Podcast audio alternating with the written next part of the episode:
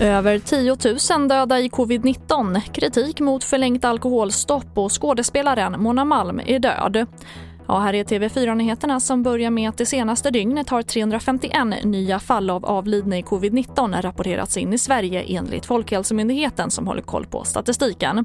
Och det innebär att hittills har 10 185 personer dött med smittan i landet. Och här hör vi Karin Tegmark Wisell, avdelningschef på Folkhälsomyndigheten.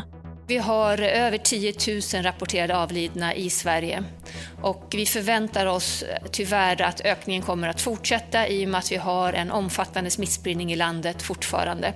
Och det är alltså ett stort antal avlidna per vecka i landet just nu. Och massiv kritik riktas mot regeringens sena besked om att alkoholstoppet på krogen förlängs. Som en protest skramlar krögare och personal med kastruller utanför sina restauranger på flera håll i landet idag. Alkoholstoppet efter 20 gäller nu till den 24 januari och många inom krogbranschen ropar på ekonomisk hjälp från staten. Här hör vi krögaren PG Nilsson. Jag och alla mina kollegor och hela branschen har all respekt för att man måste göra åtgärder. Det vi egentligen säger är vill säga är att om man lovar saker så får man hålla dem också. Och det, är, det känns inte som att det är det man gör just nu. Vi ligger ute med alldeles för mycket pengar av de pengar som staten har lovat att betala ut. Och det känns som att folk inte har uppfattat att det är på det viset. Och vi avslutar med att skådespelaren Mona Malm är död. Hon har en lång och framgångsrik karriär inom film och teater bakom sig.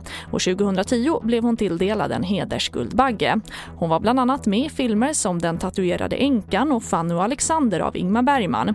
Och många känner säkert igen henne från Solsidan. Mona Malm blev 85 år gammal. Och det var det senaste med TV4 Nyheterna. Jag heter Charlotte Hemgren.